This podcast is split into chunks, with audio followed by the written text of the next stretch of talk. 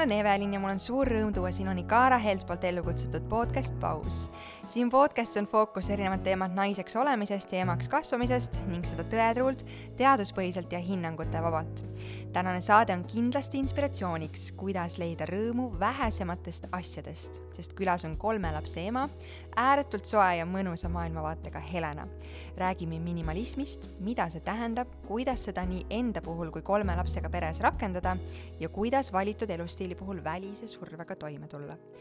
tänast saadet toetab Kooker. Kooker väärtustab sinu aega ning soovib, et sinu üritus oleks meeldejääv, millest sõbrad hiljem räägivad rõõmu ja elevusega olgu selleks suurem või väiksem üritus, lapse sünnipäev või firmapidu, hommikusöök perega või hoopis pulmapidu. soolased ja magusad minipannkoogiid telli mugavalt Kookeri e-poest kooker.ee või kutsu enda üritusele kohvikuleti või minitreileriga. sel sügisel lase Kookeril üllatada end uute maitsetega, milleks on Aasia kana, feta, spinati ning muna peekoni minipannkoogiid. erilisteks sündmusteks ka forellimarja ja väikese mulliga kuulajatele kehtib Kookeri e-poes sooduskood paus, mis annab miinus kakskümmend protsenti oktoobri lõpuni. head kuulamist!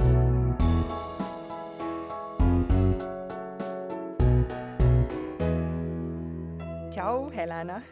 tšau, Evelin!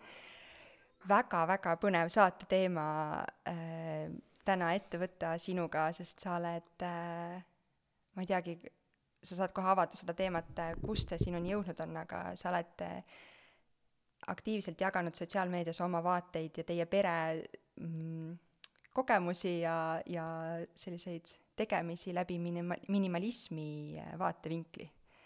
mis see minimalism sinu jaoks tähendab mm,?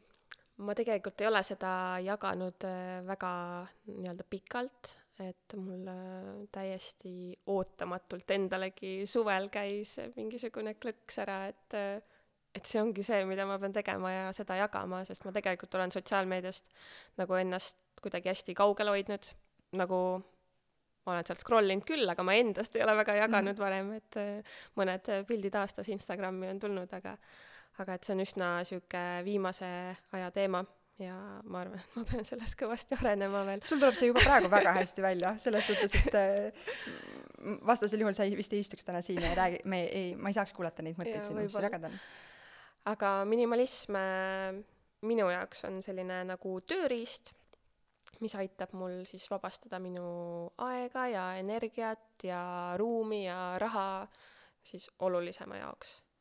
et äh, see algas äh, kõik sellistest füüsilistest asjadest ja ma arvan, inimestel hästi lihtne ongi mõista seda minimalismi nagu füüsilise ruumina või keskkonnana meie ümber, aga, aga enam ta minu jaoks kindlasti ei ole nagu ainult asjad minu ümber, et äh, see on kõik nagu mõtteviis ka, et mm.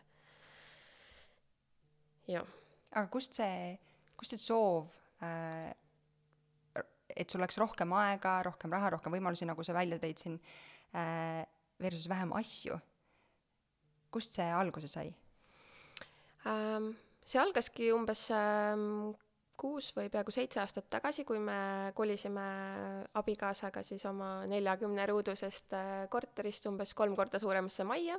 tavaliselt käib vastupidi, et kui sa suuremalt pinnalt kolid väiksemale, siis sa saad aru, et oh, mul on nii palju asju, ma ei taha neid, mul ei ole neid kuskile panna. Teil risti vastupidi. jah, no ta kohe, kohe kolides äh, ma ei sattunud sinna nagu, aga aga ta, aga jah, tavaliselt on niimoodi ka ju, et kui sul on rohkem ruumi, siis sul tekibki järjest rohkem asju ja ma arvan, et ma juba olingi sinna nagu teel, et me kolisime nagu kahe väikse autotäiega äh,, seal olid kõik meie asjad elutoas äh, koos. Äh,, mul on mingi pilt ka, mille ma leidsin veel selle äh,, sellest ajast.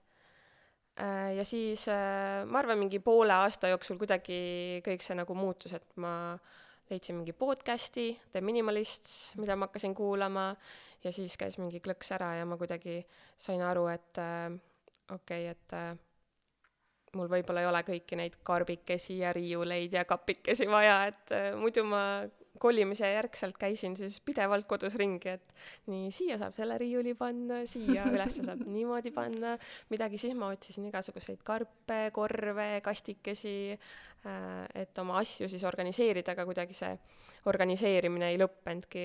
Ja mulle tundub, et see ongi nagu praegu ka inimestel e, enamasti probleemiks. Ja kui ma vaatan mingisuguseid Netflixi sarju, kuidas USA-s inimesed asju organiseerivad ja oma maju äh, nii-öelda upgrade ivad, et siis see põhiprobleem seal ongi see, et et asjad ei mahu ära.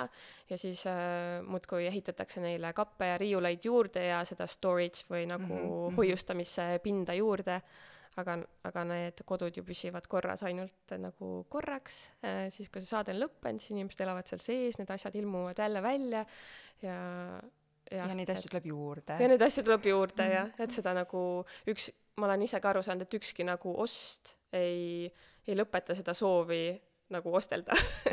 Et kogu aeg me mõtleme, et okei okay,, ma ostan ühe asja veel, et siis on nagu kõik hästi, vaata, et see vaasike veel sinna ja siis on nagu siis on nii, nagu peabki olema, aga ükskõik, mis ma olen nagu juurde ostnud, siis see kuskile ei kao nagu, et aga kas enne seda seda enda jaoks minimalismi lahti mõtestamist, kas oli sul elus midagi pahasti, ma ei tea, oli sul hästi palju stressi või oli sul pidevalt aega puudu või või ma ei tea, pangakonto ise jooksis kogu aeg tühjaks või noh, sellised hästi nagu tavapärased asjad, mis siis väga klassikalises tarbimisühiskonnas võivad juhtuda ma ei mäleta, et oleks midagi sellist ekstreemset olnud, et tavaliselt jah, inimestel ju mingid suuremad muudatused tekivad siis, kui, siis kui mingi sihuke ekstreemne olukord on, on ju, et kas tervisega on midagi või tõesti äh, kogu aeg on nagu raha otsas.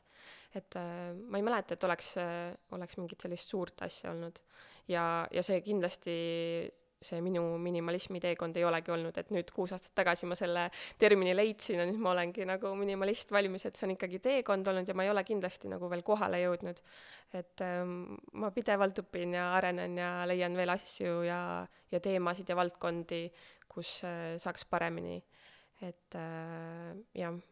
kas on midagi äh,, mille puhul minimalism kui elustiil ei rakendu teie peres ka? On see ja. söök või, või elamused või midagi sellist? no kõik äh, liikmed meie peres ei ole jah minimalismist nii müüdud nagu mina sul on kolm last? mul on kolm last ja abikaasa ja kass ja et kass elab küll üsna minimalistlikku elu, et tal on kindel söök, mis ta sööb ja oma kraapimispuu ja kõik mõned mänguasjad.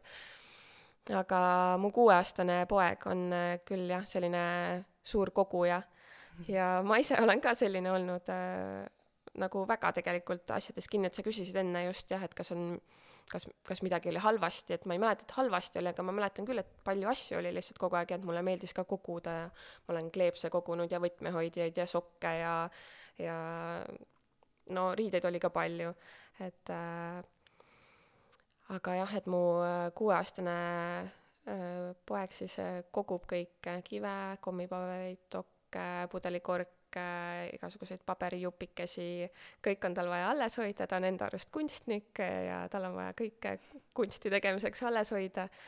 ja äkki läheb vaja. äkki läheb vaja ja tal on sahtlitäite viisi nagu neid asju, mida tal äkki läheb kunsti tegemiseks vaja. kuidas sa, kuidas sa sellesse nagu ise ma saan aru, et sa ei saa ju otseselt ka takistada last, ilmselgelt sa püüad, jõuame kohe sinna, aga püüad mingite äh, mingeid vaatenurki avada tema jaoks või üldse oma pereliikmete jaoks, aga on sul endal raske kuidagi sellega, on selline pulbitsev äh, ärevus või, või ma ei tea, viha ilmselt emal ei ole oma lapse vastu, aga sellist noh, sellist emotsiooni, mis, äh, millega on raske toime tulla endal? Jah, ikka on, aga ma arvan, et see on paremaks läinud nagu ajaga, et ta on juba kuus aastat mu elus olnud nagu, et ma olen harjunud sellega, et äh, ma ei saa nagu kõike tal ära võtta, et meil on pigem mänguasju vähem, aga ma ei noh, et ma ei saa kõiki neid kommipabereid siis talle ära visata, et me küll räägime sellest, et miks miks äh, kõike ei ole mõtet alles hoida ja käime ta joonistusi aeg-ajalt läbi ja ta ise ka nagu on nõus siis mingitest asjadest jällegi loobuma, mis on nagu noh, kaks aastat tagasi tehtud ja, ja enam kuidagi ei ole aktuaalne. Et, äh, ma ikkagi seletan talle päris palju nagu jah, äh, seda, mis ma ise mõtlen ja, ja aga jah, et see enam võib-olla nii palju ei häiri, et kui ma lastetuppa ei lähe, et siis on kõik hästi mis sa tunned, mis, mis sinu vaates, aga võib-olla ka üldiselt perel, mida see minimalism annab või sa tõid välja enne, et rohkem aega, rohkem raha, rohkem ruumi emotsioonideks mm, -hmm. aga see, et, et nagu päriselt on, ma ei tea, kas teil on konkreetsed reeglid, aga see, et ei ole nii palju füüsilisi asju kodus, mida see tuleviku perspektiivis annab mm,? mulle endale tundub, et minu jaoks ta kõige rohkem annab seda, et mul on lihtsam kuidagi kohal olla laste jaoks äh, ja nagu teha neid asju, mis ma niikuinii pean tegema, no näiteks söögi tegemine, et ma suudan kuidagi nautida nagu seda argist elu rohkem äh, et tänagi äh, kaks vanemat last on äh, lasteaias, on ju, aga hommikul me siis istusime abikaasaga seal põrandal ja vaatasime oma neljakuust. et, äh, et ma suudan kuidagi oma peas olla kohal selles hetkes, mis on, ja mitte nii palju stressata järgneva pesu pesemise hunniku pärast või äh, nende nõude pärast, mis kraanikausis on, et et ma tean, et need asjad seal taustal on, aga kuidagi see ei häiri mind nii palju, kui ma tean, et see on, seda on minimaalselt ja et seda on hästi lihtne korda luua või nagu korda panna. Aga milline päriselt sinu enda, ma ei tea, garderoob või kosmeetikasahtel või, või üldse kodu välja näeb, on see nagu Mr Beanilikult äh, nagu ainult kaks ühesugust särki ja kahed püksid, mustad ja ma ei tea, sinised, ja siis kogu aeg need roteeruvad ja mitte midagi kindlasti juurde ei osta, sest mul on ju olemas. Mm,? ei ole niimoodi ekstreemne. Ja ma arvan, et enamus inimesi, kes mulle külla tuleksid, nad ei noh see ei ole niimoodi, et sa astud uksest sisse ja saad aru, et äh, siin elab mingi minimalist, et et see ei ole ainult äh, valged seinad, üks diivan ja üks nunnuvaas kuskil nurgas, nagu me Pinteresti piltide pealt näeme, kui me minimalism sinna sisse trükime. ja mul ei ole ka päris selline kapselgarderoob, et olekski ainult kolmkümmend riideeset ja need kõik sobivad omavahel ülihästi. aga, aga nende aastatega ma olen seda garderoobi küll vähendanud nii palju ja ja mõni aeg tagasi ma tegelikult lugesin kokku, palju mul riideid on koos üleriietega ja, ja see oli vist kaheksakümmend ja siis ma ise arvasin kuidagi, et seda on vähe, sest kui ma vaatan oma garderoobi, siis mulle tundub, et mul on vähe asju, aga see number ikkagi oli nagu päris suur. Äh, ja noh, praeguseks neid on natuke vähem, sest mul on ikka seal veel mõned asjad, mida ma tegelikult ei kanna, aga võib-olla ikkagi ei ole nagu suutnud loobuda ka.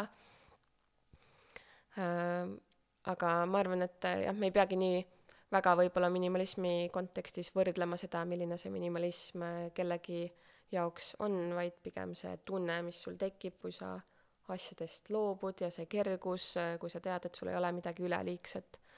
et äh, see, milline see välja näeb, on niikuinii inimeste jaoks erinev ja oleneb sellest, kust nad on tulnud, et kui mul ongi olnud varem hästi palju asju ja, ja ma olen loobunud mingist no näiteks seitsmekümnest protsendist oma asjadest, siis see minu jaoks ilmselt on üsna minimalistlik juba, aga võib-olla mõni teine inimene, kes on harjunud mm. väga vähesega elama, äh, astub mulle koju ja ei saa üldse aru, millest ma räägin, et tema jaoks see minimalism on midagi muud, et meil kindlasti ei ole sellist äärmuslikku elu ja ma arvan, et kolme lapsega ei, ei saa seda ka olema niipea, aga aga ma hingelt ikkagi olen niisugune natuke äärmuslik ja kujutan ette, et mingis eluetapis ma tahaksin elada oma matkaautos ja sõita sellega ringi mööda maailma või, või kuskil minimajas elada, et et ma arvan, et see kunagi tuleb, kus ma saan oma seda äärmuslikku minimalismi, minimalisti ka toita. Oled sa tundnud, et kuidagi mingis, mingil eluperioodil äh, või, või mingis, ma ei tea, reisides kuskil, oled sa nagu näinud, et kuskil mujal keskkonnas äkki on lihtsam olla minimalist? jaa, ma arvan, kõik teavad seda ju reisides, kui sul on, kui sul ongi nagu mingi konkreetne hulk asju, mis sa oled siis kaasa võtnud, et osad inimesed kindlasti armastavad reisida nii, et neil on hästi palju asju, minule meeldib ikkagi mõelda läbi oma outfit'id ja asjad, mis ma vajan. ja, ja kui ma mõni aeg tagasi käisingi oma töökaaslastega Prahas tööreisil, siis, äh, siis ma nagu neli päeva elasingi sellist, sellist elu, nagu, nagu mul vahepeal vist vaja oleks. Et mul oli oma väike kohvritäis, ma panin need asjad sinna kappi ära, mis mul kaasas olid, äh, kõik, kõik asjad sobisid omavahel, ma võisin ükskõik mis riietuse sealt võtta ja nagu nii lihtne oli, et sa ei pea mõtlema, mis selga panna, sest sul on juba need viis äh, komplekti seal kapis olemas.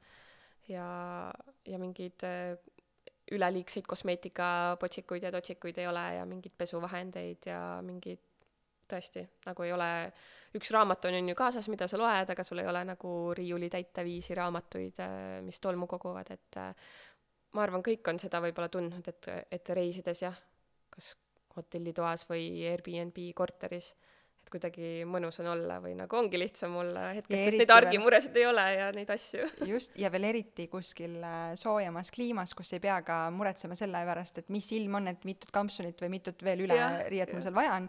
et äh, kuidagi ma ise tunnen vähemalt, et, et reisides kuskil soojas kohas, kus sul ongi need plätud, bikiinid mm, -hmm. üks kleit sinna peale ja okei okay,, võib-olla ühed lühikesed püksid ja T-särk ka, siis elul on nagu nii palju rohkem värve või nii palju äh, rohkem aega on elamusteks ja seiklemiseks ja ei pea istuma seal kapi ees hommikul otsa ja mõtlema, mida ma täna Jaa. selga panen, sest sul ongi need kaks või kolm valikut ja, ja samamoodi pesu pesemisega, et miks ma ei ole kaugeltki minimalist, oi ei, aga, aga ma arvan, et mul on ikkagi äh, seesama võrdlus iseendaga, et see, kust ma tulen versus see, kus mm -hmm. ma täna olen, mul on ikkagi piisavalt vähe asju selleks, et äh, ma ei pea äh, nagu see mõte sellest, et issand, ma pean kogu aeg pesu pesema või et ma pean kogu aeg midagi sorteerima, kuhugi panema, neid paigutama, see, et kõik asjad, kõikidel asjadel on oma koht, nad mahuvad sinna Mhm. ilusti ära, annab mulle nii palju sellist kergust ja lihtsust ja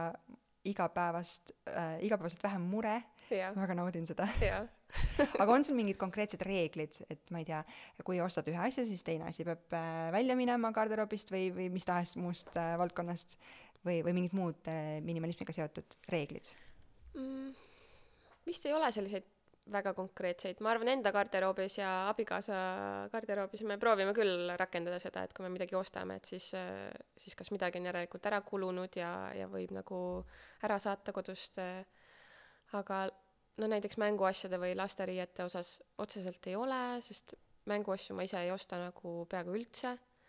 ja, ja me ei ole nagu seda, sellist reeglit teinud ähm,. aga jah, mingite laste piltidega on, on küll niimoodi olnud jah, et, et kõike me alles ei hoia, on ju, et meil need, mis mahuvad raamide sisse sinna toas, et äh, paneme need välja, kui ta tahab midagi uut sinna panna, siis äh, me vaatame, et kas tal sahtlis on midagi, mis teda enam ei kõneta või nagu millest ta enam ei hooli, et tal äh, sellel kuueaastasel käivad mingid hood, et praegu tal on kilpkonnad on mingi teema ja noh, neid kilpkonnapilte ja ja mingid kristallide pilte nagu, et meil on nii palju aga et mingid varasemad võib-olla, mis tal varem on olnud, mingid raketid, et see ei ole enam teema ja siis ta ise ka nagu ütleb, et ta, et, et neid ta ei pea enam alles hoidma. kuidas sa lastele selgitad seda, et on, on asjad, millest peab vahepeal loobuma? mm,. no kahesega me väga palju ei ole veel nagu otseselt rääkinud, aga, aga kuuesega küll mm,. Ma vist olengi öelnud niimoodi, et no kui on mingi teema võib-olla, et äh, teistel on äh, mingeid mänguasju rohkem, mida tal ei ole, et siis äh, siis ma seletangi, et aga kõiki mänguasju ei olegi vaja, et kui meil oleks maailmas kõik mänguasjad, mis kellelgi teisel kodus on, et siis me ei mahuks ise siia koju ära näiteks. või et äh, mm, kujutan ette, et kuuene ikkagi on selline, kes näeb oma sõprade pealt või lasteaiast, et oh, tal on see mänguasi, tal on see või poes käite, siis et selline soov ja tahe tuleb millegi järele, seda selgitustööd, et mitte üldse nagu osta või mm. -hmm. midagi koju jõuaks, kui palju seda sa tunned, et pead ema, emana tegema? Äh, no ei, me ikka teeme, kui me poes käime, aga mõtlengi, et ma vist olen seda juba mitu aastat temaga teinud, et tal tegelikult, temaga on vä-, üsna lihtne poes käia, et meil ei ole nagu olnud mingeid kaklusi poes või seda, et ta nagu viskaks poe põrandale ennast pikali, sest ta ei saa, mis ta tahab. et äh, kui me käime poes ja kui ta satub sinna kuskile mänguasjade vahesse, siis me vaatame neid legosid näiteks sealt ja ja vaatame, mis ta lemmikud võiks olla, on ju, kas seal on midagi, mis kuidagi meeldib ja siis me teeme pilti nendest ja siis ma räägingi, et võib-olla siis äkki sünnipäevadeks või jõuluks nagu, et äh, kui sul ikkagi nagu see väga meeldib, et siis äh, teeme pildi ja paneme nimekirja. kas tähendab, et telefon on pilte täis? ma ikka kustutan ka neid sealt ära ja nagu ja me jõuame vahepeal mitu korda poodi, siis kui ma iga kord pildistan neid, siis ma nagu vanemad kustutan ära et ähm, aga kui sa aega tagasi kerid, kust see, see vestlus äh, vanema lapsega no alguse sai või, või läbi mille sa oled püüdnud talle seda selgitada, kas see on äh, see koristamise aspekt, et kui sul on vähem asju, siis sa pead vähem koristama või on see raha äh, aspekt, et noh, et ei, mm. -hmm. nagu ei, ole mm. -hmm. mõeldav kõiki mänguasju maailmas kokku osta. pigem ma arvan, see on hoopis keskkonna aspekt, mida ma olen seletanud ja mis mind ennast ka ikkagi kõige rohkem vist motiveerib, ma arvan, et üks on muidugi see, et mul on lihtsam endal hetkes olla, nagu ma enne mainisin, aga kuidas ma üldse miks see minimalism nagu nii mu ellu on tulnud, on pigem see keskkonna pärast mure ja, ja see vist on see, mis mind hästi motiveerib ja ma seda olen püüdnud ka seletada, et kui tal jääbki silma mingisugune, ma ei tea, no mingi mõttetu plastikust jubakas seal poes nagu mingi mänguasi jälle, mis noh, tõesti tegelikult see on mõttetu siis ma ütlengi talle ja seletangi niimoodi, et maailmas oodatakse väga palju asju nagu ja et ettevõtete ülesanne ongi neid müüa inimestele ja et müüaksegi selliseid asju, mida inimestel pole vaja ja et äh, reklaami eesmärk ongi tekitada inimestes tunnet, et neil on seda vaja, aga tegelikult ju ei ole. ja ma ei tea, mulle tundub, et ta praegu saab sellest jumala hästi aru, et me räägime neid asju küll uuesti, aga nagu äh, et nii ma olen talle nagu väiksest peale seletanud. Ja ma olengi rääkinud ka nagu, kus mingeid asju toodetakse või et äh, miks ma ei taha neid üllatusmunasid osta, on ju, et need väiksed mänguasjad, mis seal sees on, et sa mängid nendega korraks ja siis nad lähevad katki ja siis me peame nad ära viskama, aga keegi on nad teinud ja, ja palka ei ole selle eest saanud eriti ja nagu me ei tea, kes see seda teinud on ja, ja ma ei tea, ta vist on natuke nagu mina jah, et teda ikka see keskkonnateema nagu mm kõnetab ja, ja ta ka muretseb selle pärast, et ta tahab, tahab suurena saada.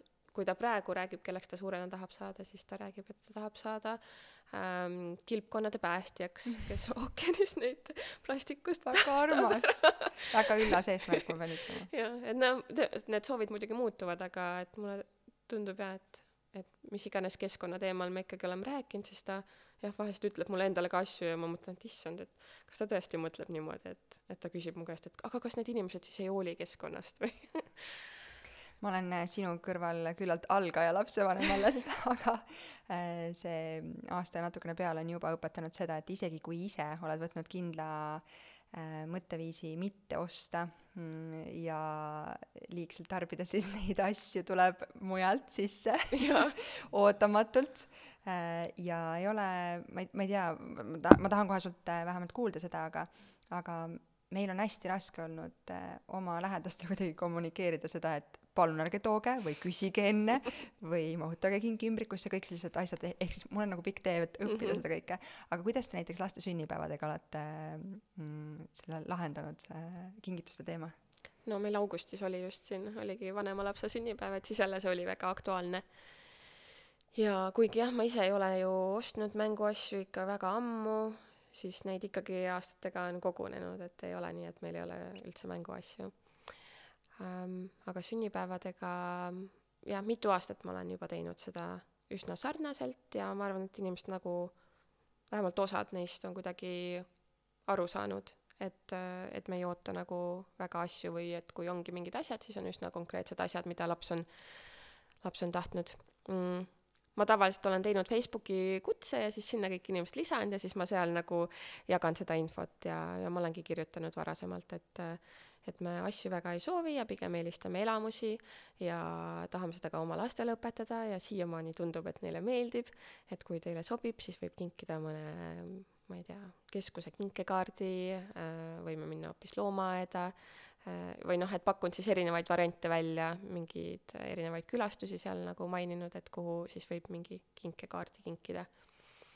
mm,. ja siis ma olen teinud ka mm, listi siis asjadest, kus ongi noh, kui ma tean, et kilpkonnad on mingi teema praegu, et siis ma olen pannud sinna raamatu, kus on kilpkonnadest äh, juttu et siis saab konkreetselt selle raamatu kinkida või sellel aastal oligi mingisugune kilpkonnadega Lego komplekt. Et ma panin selle lingi sinna ja siis, kes siis soovis sealt päriselt seda kinkida, siis märkis ära ja aga see ei tähenda, et nagu ei tuleks midagi muud, et mm. kuna meil oli ikkagi palju ka lasteaiakaaslasi kutsutud sünnipäevale ja kuidagi ma see aasta natukene vist olin laisem ka selle kommunikeerimisega, et vahest tuletan nagu mitu korda meelde, aga see aasta vist osad inimesed jäid sellest infost üldsegi ilma, et me pigem äh, asju ei soovi ja et Otto tahab väga Legolandi minna ja et kes tahab, võib viis või kümme eurot ümbrikusse panna.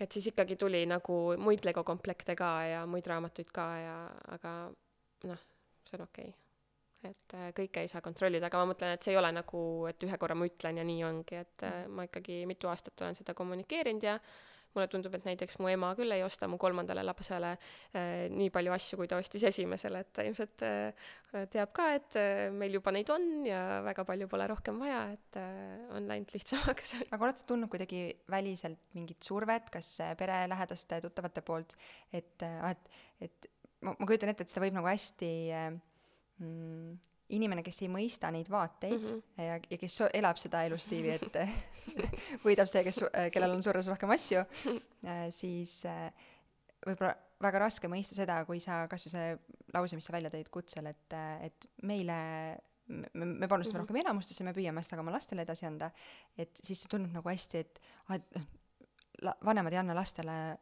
ruumi rõõmu tunda muude asjade üle, vaid suruvad oma vaateid liiga palju peale. Oled sa tundnud kuskilt seda survet? ei ole vist Äh, sest mulle tundub, et ma ei jäta ikkagi neist, neid, neid ju millestki ilma, et me ikkagi käime ja teeme ja neil on asju ka. et äh, ma pigem tunnen survet, kui ma ise lähen kuskile sünnipäevale, et siis ma nagu ei tea, mida teha. et äh, ma tahaks äh, viia siis mingisuguse kinkekaardi või, või midagi tarbitavat inimestele, nagu ka täiskasvanute sünnipäevadele minnes äh,. või üldse mitte viia nagu täiskasvanutena me võiks kuidagi kokku leppida, et, et me ei too enam kingitusi või me ei vaheta raha see tundub vahest ka nagu naljakas, et äh, ma tulen sulle sünnipäevale, toon äh, ümbriku ja sa tuled mulle ja tood ümbriku, et miks me üldse vahetame siis seda, et saame lihtsalt kokku. aga et, äh, et jah, võib-olla siis nagu tarbitavat rohkem kinkida, et kui me täiskasvanutena käime sünnipäevadel, et siis, siis ma olen ka öelnud, mu enda sünnipäev viimati oligi selline, kus ma ütlesin inimestele, tooge mulle värskat või siis äh, apelsinimahla või mingeid pähkleid. Ja siis äh, noh, tegelikult kui külalised ära läksid, siis mul oligi pool elutoa põrandat oli täis äh, värskat äh, ja apelsinimahla. järgmise äh, sünnipäevani on nüüd sellega klaar. Ei, need said üsna ruttu otsa, sest äh, ma olin siis äh, rase ja mind lihtsalt isutas nagu see nii väga.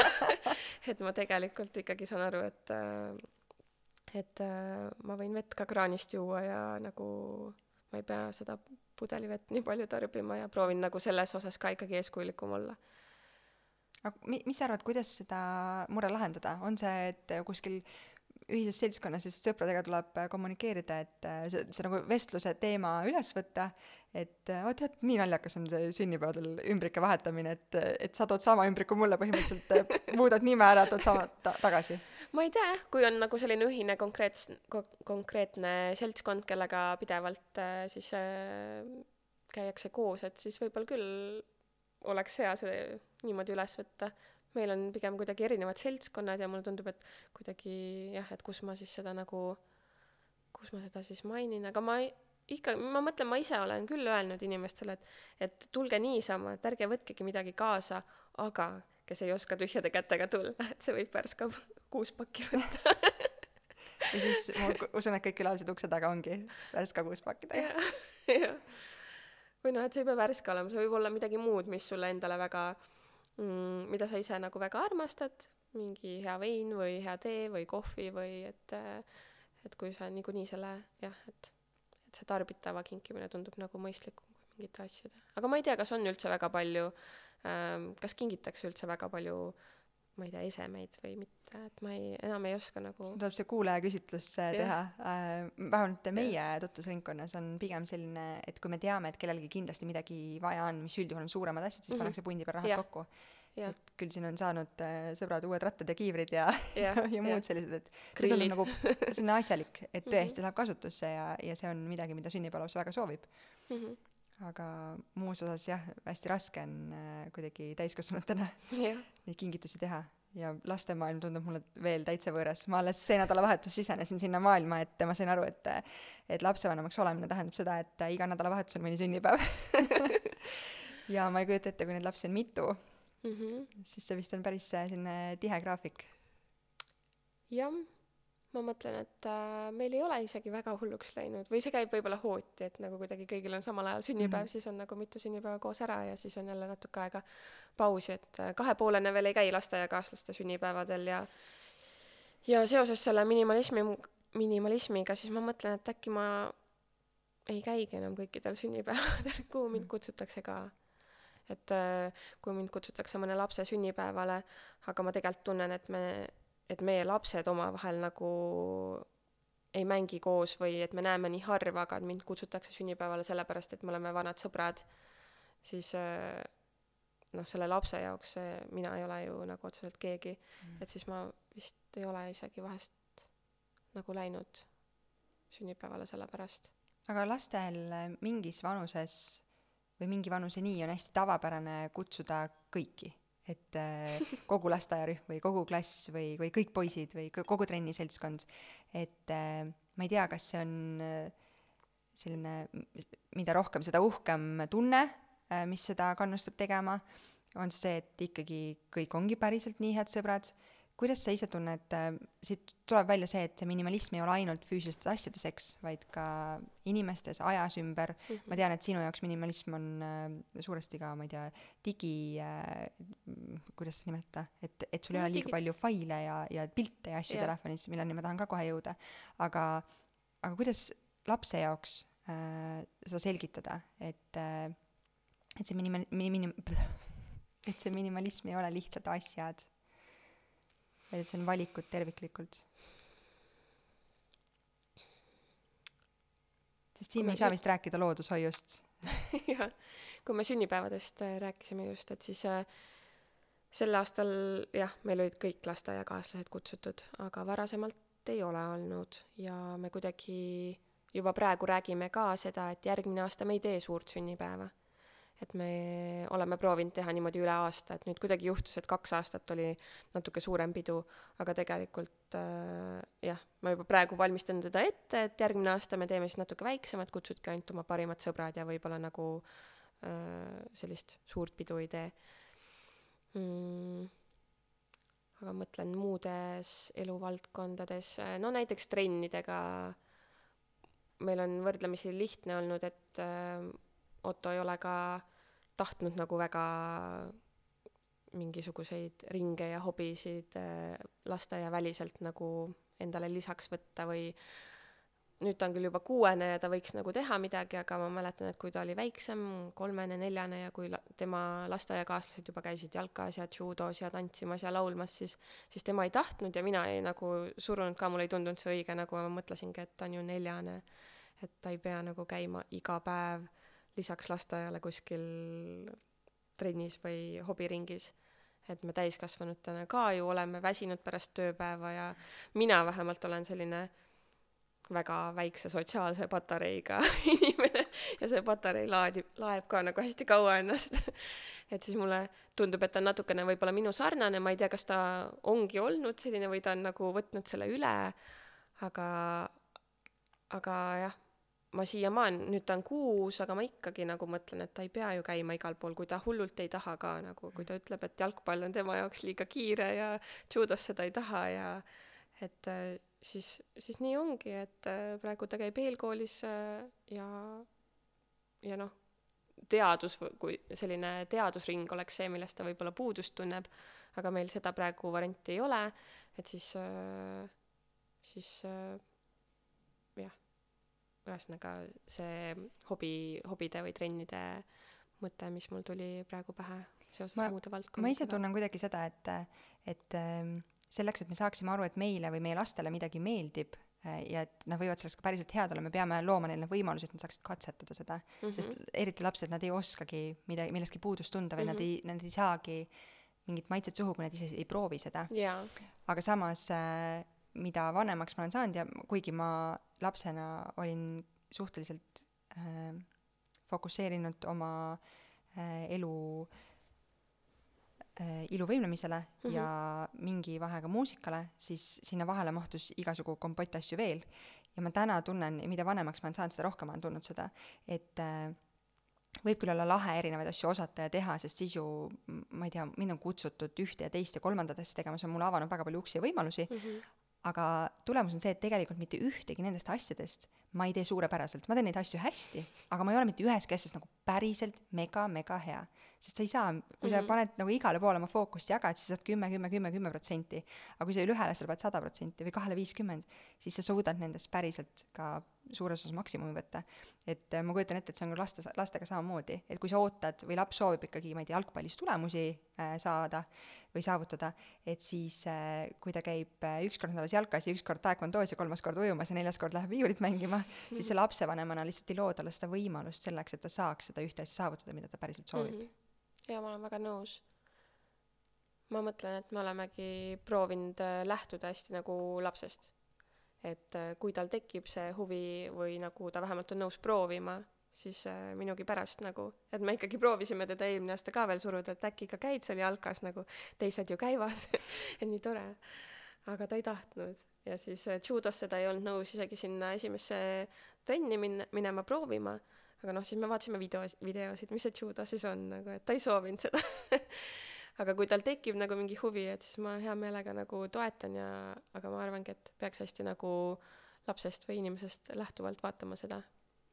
siit äh, käis korra läbi see digitaalne pool ka minimalismist mis see tähendab, kustutad sa kõik äh, meilid ära, millele sa oled vastuse saanud ja rohkem mingit infot sealt ei oota, äh, vaatad sa iga õhtu, võib-olla iga õhtu mitte, aga kord nädalas äh, pildigaleriid üle ja kustutad sealt ebavajalikud pildid, mida laps on teinud kaheksa, kaheksasada selfit oma otseesisest, minu igapäev mida see tähendab? Ma ei ole selles väga eeskujulik kindlasti nagu, et äh, ma pürgin sinnapoole, et see oleks kuidagi paremini hallatav mul äh,. aga, aga see käib kuidagi jah, periooditi, et just äh, mõni aeg tagasi mul oligi sihuke mitu nädalat ma tegelikult tegelesin, et see oli kuidagi fookus, et ma iga vaba hetk siis võtsin oma arvuti ja kustutasingi sealt meile ära või pilte ära või, või mingi, kustutasin ennast uudiskirjadest ära. et äh, aga jah, nagu kui äh, saaks nagu kui me, kui me suudaks iga nädal seda näiteks teha, on ju, niimoodi jooksvalt kogu aeg, et siis ei olekski üldse probleem. Äh, tavaliselt me ei suuda, et praegu mul on nagu meeldetuletus pandud iga kuu, siis nagu mul on kalendris üks sihuke tunniajane nagu auk kus ma siis tegelen sellega, mis vahepeal kogunenud on. aga, aga jah, äh, vahest ma kustutan õhtuti ka nagu mingeid pilte ära, et, et sellest saab kindlasti parem olla, et ma ma tahaks ise ka parem olla selles. kas äh, nende digiasjade puhul ka ähm, on sul fook- või, või nagu see e suurem eesmärk on seal taga see keskkond ja loodus, mis noh, ma saan aru, et et väga paljud ei teadvusta endale, et äh, need kakssada või kaks tuhat või kakskümmend tuhat meili, mis meil istuvad äh, arhiivis äh, kuskil äh, meilikontol, on kuskil serveri ruumis, selleks on toodetud nagu päris tehnikaseadmed, mis istuvad kuskil, mida ostetakse pidevalt ruume äh, juurde, sellepärast et nii palju on inimestel seda digiprügi tegelikult, mis kasutust ei leia mm. -hmm. või on, või on selles osas mingi muu, et ma ei tea, leiaksid kiiremini selle õige pildi üles sealt galeriist või, või meili? ma arvan mõlemad, ma arvan suures pildis, kui sa hakkad nagu seda niimoodi kuidagi suuremalt tegema ja, ja see paar nädalat, mis ma seda tegin hästi mahukalt, siis ma ikkagi päris palju mõtlesingi selle peale, et issand, et, et minu arvutis on nii palju andmeid, mida kuskil on vaja hoiustada äh, igapäevaselt muidugi selle peale niimoodi ei mõtle, et siis tahaks lihtsalt, et kuidagi asjad oleks hoomatavad. et ma leiaksin nagu kiiresti äh, kahe aasta taguse pildi, kus me käisime lapsega loomaaias, on ju äh,. aga jah, et ma arvan mõlemad, aga, aga igapäevaselt me muidugi sellele suurele keskkonna, keskkonna või sellele jäljele ei mõtle nagu, mida see digiprügi toodab, aga selle digiprügiga ma ikkagi mõtlen nagu korra tooksin välja veel need uudiskirjad. Et mulle tundub, et see on nagu, sellel on ju nii suur äh, mõju, kui me nendest loobume, sest esiteks nagu meil ei teki seda tuhinat. seda tuhinat ja tunnet, et nüüd oi, miinus kakskümmend, viimane võimalus ja et see hirm on hästi suur ja siiamaani ma isegi mõtlen vahepeal niimoodi, et kuigi ma olen ennast treeninud ju aastaid ja aastaid, et mul ei oleks seda, siis ikkagi, kui, kui kuskil on miinus kakskümmend, meile tundub see nagu mingi mega hea diil kui ma nüüd seda ei osta, siis ma jäängi sellest ilma, sest äkki see on viimane allahindlus neil ja, ja kuigi mul praegu ei ole nagu uusi teksaseid vaja, siis näed, need minu lemmikud teksased on praegu just allahindlusega, äkki ma siis ostan need ära endale juba sinna ootama. võib-olla aasta pärast ma ei taha enam selliseid teksaseid, aga, aga noh, oh, allahindlus on ju ma olen seda ämbrit kolistanud, arvates, mul on o, o, mingi osa mu garderoobist on selline nagu Mr Beanil, et nagu ühesugused asjad, konkreetselt üks sama mudel, lihtsalt natukene erinevat mm -hmm. värvi, beeži neli varjundit ja, ja siis ma saan umbes kolme kuu pärast aru, et need püksid tegelikult, noh, tegelikult üldse ei sobi ähm, ma olen püüdnud õppida, ma veel vist ei saa öelda, et ma olen õppinud ka päriselt sellest, aga ma vähemalt olen püüdnud. Aga Jah. e-esmaspäevad ja muud sellised äh, kampaaniate Jaa. päevad on jube hea aeg, sest äh, siis tulevad kõik need kirjad äh, mailbox'i, Jah. saad järjest hakata kustutama. jaa, jaa, et äh, mitte siis ainult kirja ära kustutama, aga päriselt kerima sinna alla ja vaatama, kus on loobu uudiskirjast ja siis loobuma sellest uudiskirjast. ja isegi kui palju neid on kogunenud aastate jooksul, et ma tunnen, mul on tunne, et ma olen juba kõikidest loobunud, igast poes, kus ma olen nagu kunagi enda emaili sisestanud kuskil, et ma olen juba loobunud nendest ja neid ikka tiksub ja ikka tiksub nagu. tead, siin on võib-olla natukene kivi ka äh, turundajate kapsaaeda selles osas, et ma tean, et äh, kuna mul on endal seesama kogemus, et ma tean, et ma olen kustutanud ennast äh, mõnest listist ja ma olen sellest teinud ka, ma ei tea, screenshot'i mm -hmm. või Mhm. et, et mul on see nagu mul on see tõendusmaterjal, et ma olen ja ma saan ikka järgmisel e-esmaspäeval äh, mingi Jaa. uudise, uudiskirja või, Või veel või veel õudsem on sõnumi Jaa. tõesti, et saada stopp numbriga numbrile see ja see ja ma saadan stopi ja mul on nagu sõnumis kirjas, et ma olen saatnud stopp. ja ma saan ikka selle kampaania pakkumise, et ähm, siis tuleb turundajatel õla peale koputada, et vaadake seadused üle, et te päriselt tegelikult ei tohi neid, neid kontakte ikkagi alles jätta. Aga Jaa. nende kam- kampaaniatega, just hiljuti oli e-esmaspäev ja ma ise kolistasin seda ämbrit taaskord, et äh, tuli pakkumine vist miinus kakskümmend viis või miinus kolmkümmend protsenti äh, nõudepesumasina kapslid või keel, mis ma kasutan. ja no kuidas sa tellid lihtsalt kahte purki keeli, nagu kaks pudelit keeli, no ma pean ju midagi veel sinna ostukorvi panema, see tundus nii jabur lihtsalt. jaa, ja siis ma paningi ja ma sain selle paki kätte ja mõtlesin, oh, Evelin, mis sul viga oli? et äh, ja kui seda uudiskirja poleks olnud, siis ma arvan, ma ei oleks üldse seda tellimust teinud, sest tegelikult mul seda keeli veel jätkus ka, no vot oleks järgmise allahindluseni vastu pidanud võib-olla. aga oleks sest need allahindlused ei tule ainult ju korra aastas, neid põhimõtteliselt tehakse kogu aeg. ja, ja no, no mina ka ei ole ju immuunne sellele, et ma ise olen ka samamoodi, et mul on midagi vaja, ma lähen tellima, siis ma vaatan, et äh, saatmine tasuta alates kolmekümne üheksast eurost. no siis, no kas mul on veel midagi vaja või? Ja isegi kui mul midagi meelde ei tule, siis ma noh, teinekord lähen siis scroll in, et mis nad siis veel pakuvad. ja no kindlasti ma leian sealt midagi, mis, mis mul ikkagi on vaja Et, mis äh, äh, valdkond või kategooria sul endal kõige keerulisem on äh, kuidagi aktsepteerida seda, et võib-olla ei ole liiga palju asju vaja?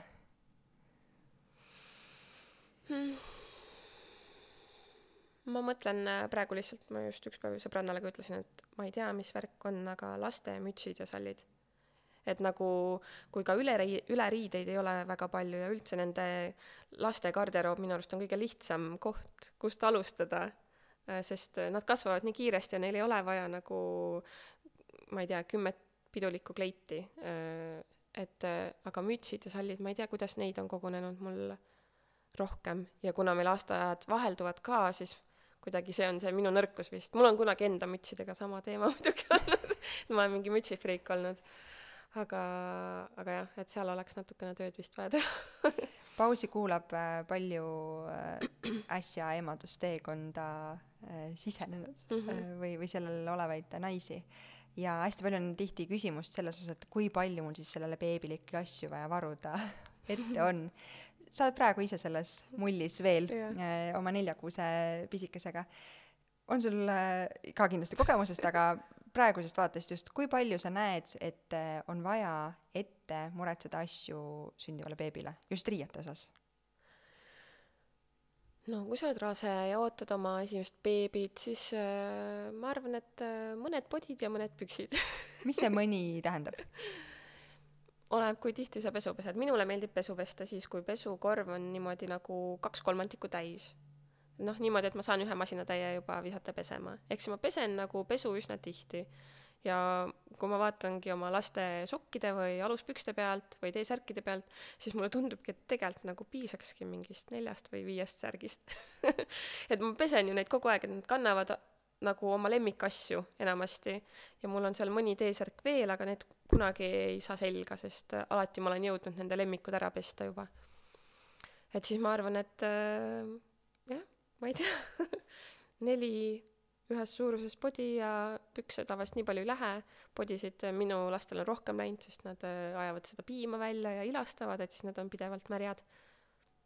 aga ma arvan, et ette muretsema või nagu ette väga palju ostma ei peagi, sest meil on kõik võimalik poes olemas, meil ei ole nagu mingit defitsiiti mingitele asjadele, et kui sul tekib vajadus, sa saad minna poodi, osta või tellida ja järgmisel päeval see on sul kodus aga tead, kui raske on es-, esimest last oodates? Jah. seda, et ei osta kõiki neid nunnusid, sokikesi ja püksikesi ja kleidikesi. ma tean, esimest last oodates ongi raske kas see on äh, mi- miski, mis on nagu kolme lapsega iga kord paremaks läinud?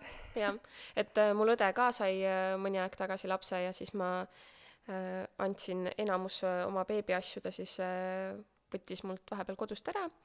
Äh, ja, ja siis, kui ma nüüd ise sain äh, uuesti beebi, siis mulle tundus, et mul tegelikult kõik asjad olemas ja ma olin ära unustanud, mul tegelikult veel mingi ports riideid nagu, mis on siis õe käes ja nüüd, kui ta nagu neid jupikaupa mulle tagasi toob, mis äh, tema lapsele väikseks on jäänud, siis mul ongi see sihuke tunne juba, et neid on liiga palju, et ma tegelikult saan veel vähemaga hakkama, kui ma, kui mul teisel lapsel oli, onju.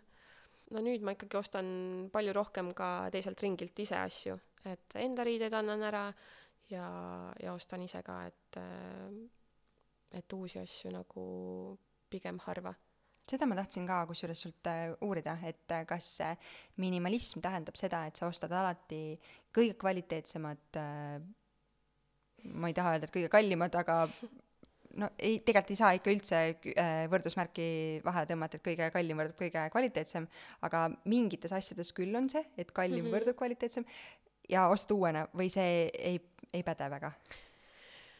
esimese lapsega ma ikkagi ostsin enamus asjad jah uuena mm, ja mingeid asju siis kannab nüüd juba kolmas laps onju mm, aga minimalism kindlasti ei tähenda seda et ma ostan nad uuena. Et äh, minu jaoks äh, see keskkonnamure ja see kõik kuidagi sulab kokku see jätkusuutlikkus ja see kuidas ma üldse tarbin nagu. Et äh, jah ma mõtlen. Ma ikkagi kaalun küll päris palju oma oste äh, läbi just selles mõttes, et ma tahan, et see oleks kvaliteetne. ja, ja vahest äh, ma kaalungi liiga kaua, et m- ma, ma mõtlen, et mul on võib-olla minimalist isegi lihtne olla, sest ma olengi kuidagi oma olemuselt selline hästi analüüsija ja kaaluja ja mul mingid ostud jäävad juba sellepärast tegemata, et ma tahan nagu veenduda, et see on parima kvaliteediga ja parima hinnaga nagu, et ma ei otsi alati odavamat, ma tahan lihtsalt, et ta oleks kvaliteetne, aga võimalikult odav ma saan aru, Helena, et äh, see arv, mis sa selle nagu minimalismi elustiili pealt võid-, see, see aeg, vabandust, mis sa selle pealt võidad, läheb sinna, et sa teed nagu tohutut uurimistööd kõige kohta, mida sa ostad. ei, mulle tundub just vastupidi, et mulle tundub, et ma varasemalt olen teinud äh, väga palju mm, ja olengi muretsenud äh, kõikide oma ostude eel.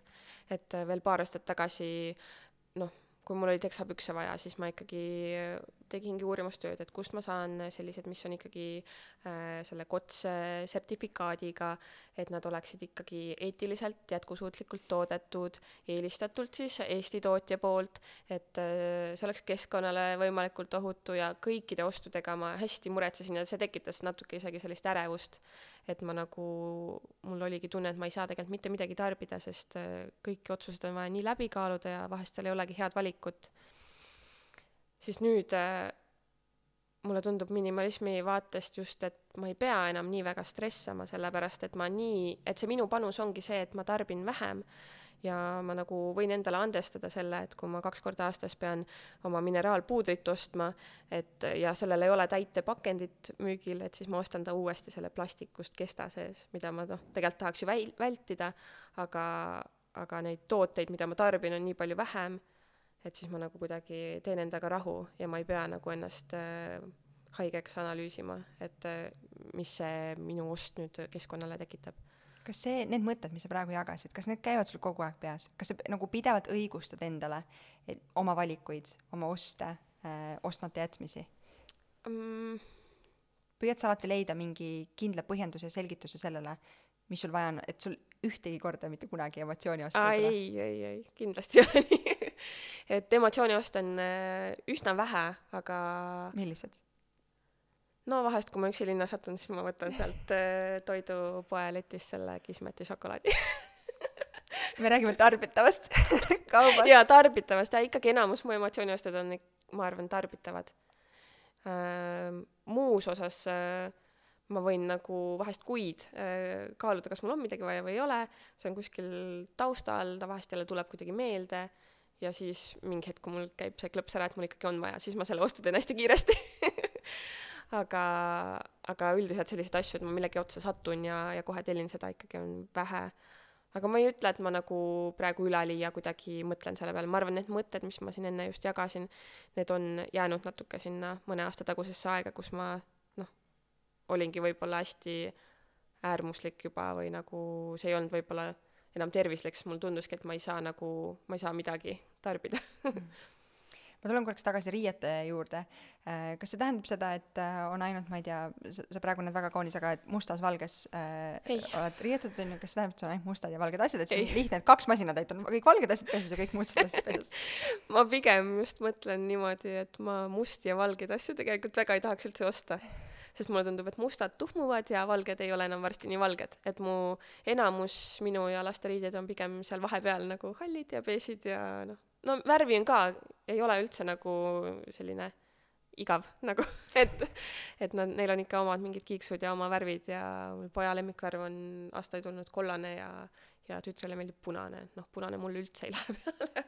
Aga noh, selles mõttes, et äh, ei ole riided kuidagi väga monokroomsed kas sa oled tundnud äh, sellel äh, kuus-seitse aastat mm, -hmm. äh, selle perioodi jooksul kuidagi mingit äh, mm, ühiskondlikku survet äh,, ma ei tea, on see sotsiaalmeediast või, või lähedastelt tuttavat, et ah oh,, neil on, et mul on ka ju vaja sellepärast, et neil on?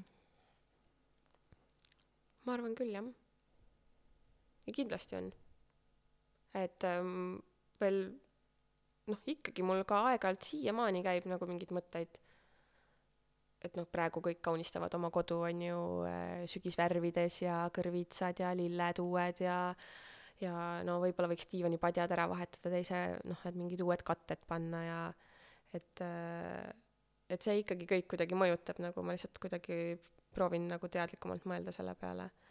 Äh, aga ma olen täiega olnud seal, kus ma tunnen, et vaatan jälle mingeid pilte kuskilt näen ja mingi nunnu lastetuba ja mul on kohe tunne, et ma tahaks nüüd selle teema ära muuta, et ma enne olid siin täpid ja nüüd võiks olla triibud hoopis või mingi loodusteema või mingi lilled või nagu, et äh, ma olen ikkagi inimene ja need mõtted ikkagi käivad peas. ma lihtsalt äh, võib-olla suudan neile paremini vastu panna.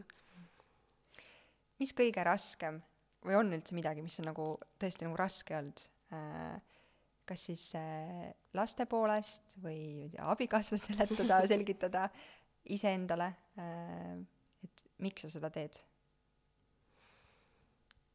hoolimata sellest, et sinu elustiil või teie elustiil ei ole tegelikult üldse mitte mingis mõttes äärmuslik mm. -hmm.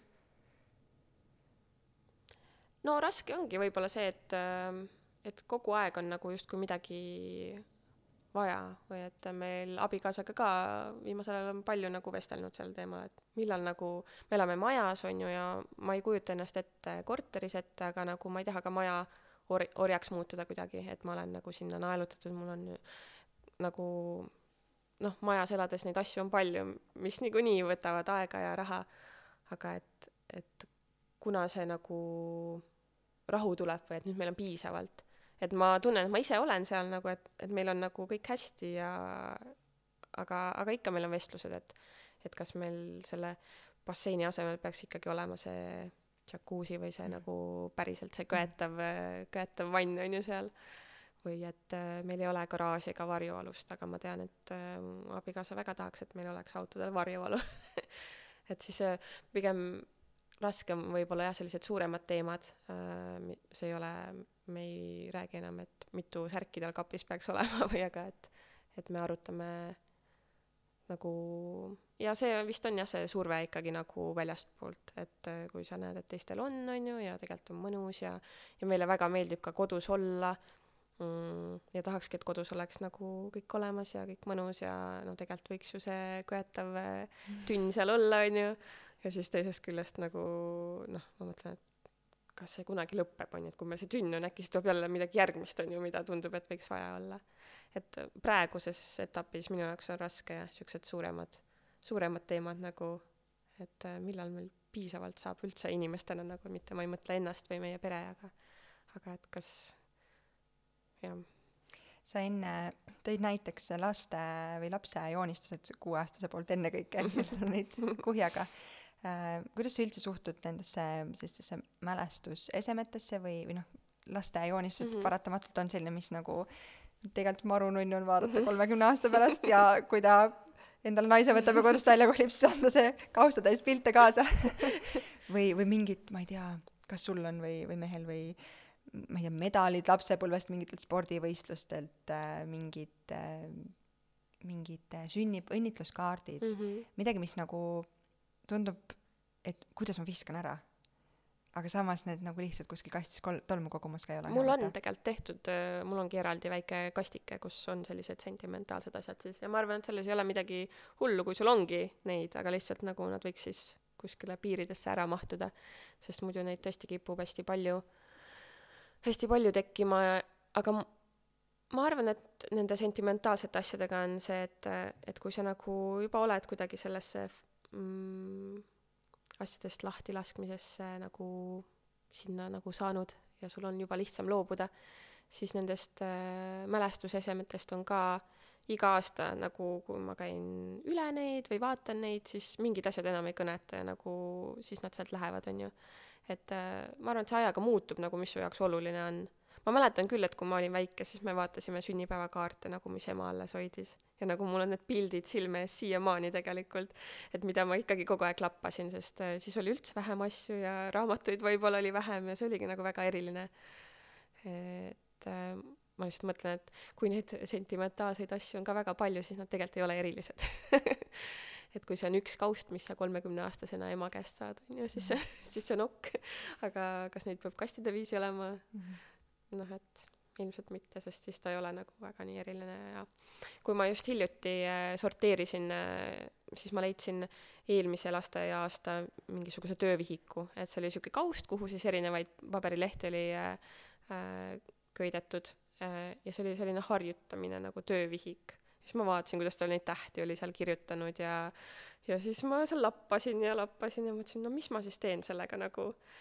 ja, ja ma nagu juba oligi siuke tunne, et ma siis jätan selle alles, et seda on nii tore vaadata, et tema harjutamised ja te tegemised siin. ja siis ma küsisin abikaasa käest, et mis ma teen sellega ja siis ta ütles, et see on ju töövihik. et need on harjutused, see pole mingi lõpptulemus ju. et sa ei pea seda alles hoidma et ta ka ikkagi vahest aitab mind, et kuigi tema nagu võib-olla kõikide asjade osas ei mõtle päris nii nagu mina, siis tegelikult ta ikkagi mingites valdkondades, kus mina võib-olla kipuks mingeid asju alles hoidma, siis tema nagu toob mind maa peal tagasi ja ütleb, et kuule, et nagu seal on nagu palju teisi pilte ja mingeid asju, mida sa võid alles hoida, aga nagu see on töövihik see tegelikult. et see on peres ikkagi väga suuresti koostöö? no jaa, jah. et äh, päris üksi ju ma saaks ainult enda asjadest kuidagi loobuda. aga et see on meie kodu, et äh, jah. Üks äh, küsimus asjade kohta veel, meil siin, meid on õnnistatud äh, Eestis nelja suurepärase aastaajaga, mis on küll kahte sula, sulamas vaikselt, aga sellegipoolest erinevate aastaaegade rõõm, võlu ja võib-olla ka valu. miks ta on kahte sulamas oh,? Nende samade asjade pärast. just, täpselt aga, aga see valu on, valukoht on see, et neid hooajalisi asju kuidagi on, et et suvel on liivakasti mänguasjad ja mingi ranna, rannarätikud ja päikesevarjud ja siis talvel on suusad ja mm, -hmm. ja kelgud. kas, mis pidi sina suhtud, kas suveasjad ka riietuse poolest tuleb talveperioodiks ära pakkida ja silma alt ära või see ikkagi, kui neid asju on vähe, siis sa lased neil rippuda ja, ja olla seal nähtaval kohal? Äh, jah, kui neid on vähe, siis mulle meeldib, et nad on kõik nähtaval, sest no talvel ka vahest, kui toas on soe, siis ma tahan lühkadega olla. või suvel, kui on külm ilm, siis ma panen kampsuni selga, et mulle ei meeldi niimoodi silma eest ära panna, sest siis ma jällegi ei hooma nagu, kui palju mul neid asju üldse on.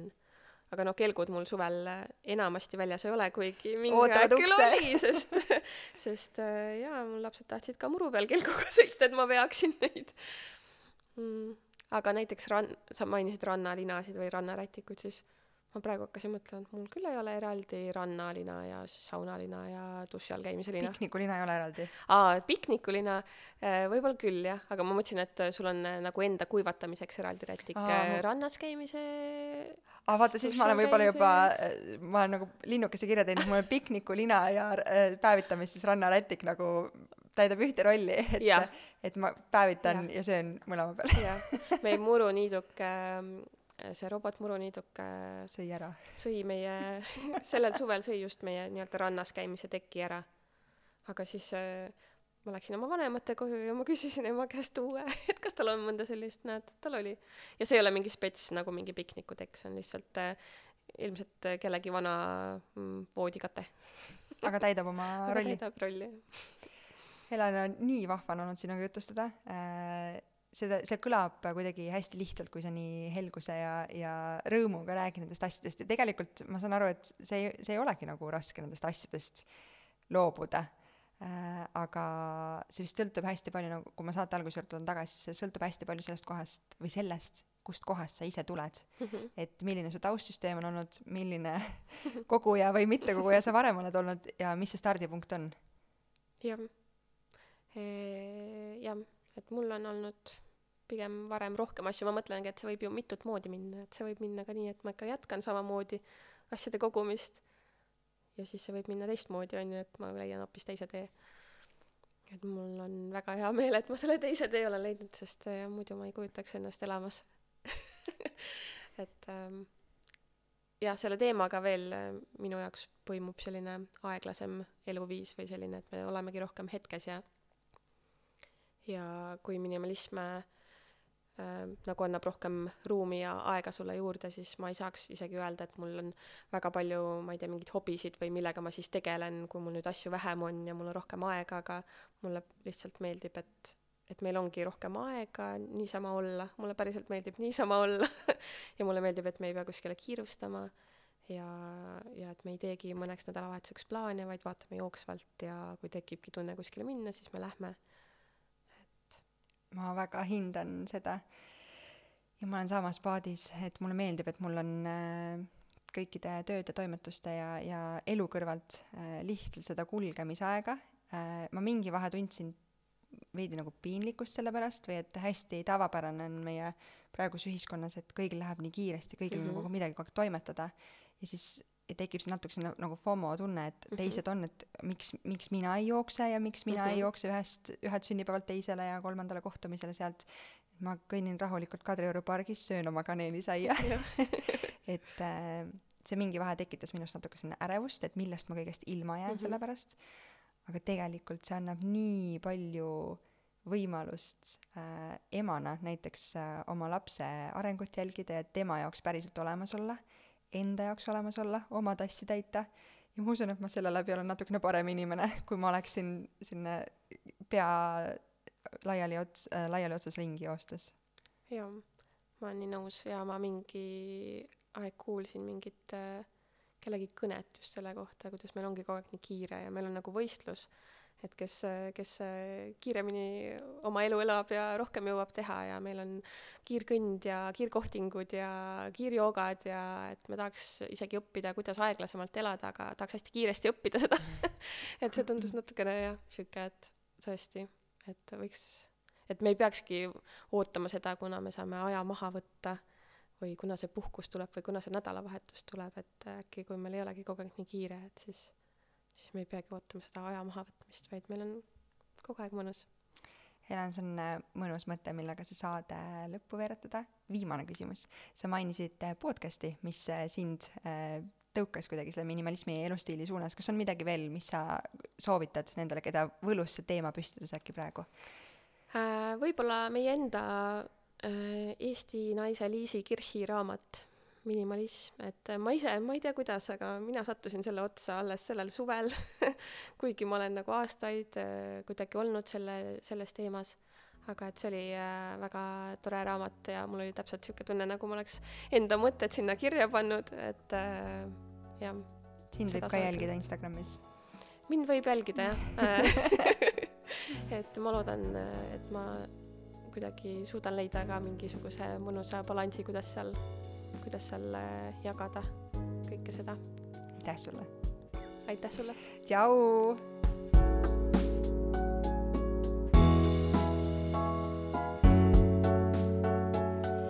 saate toob sinuni Kaara, naiste tervise ja heaolu edendaja rasedus- ning emadusperioodil.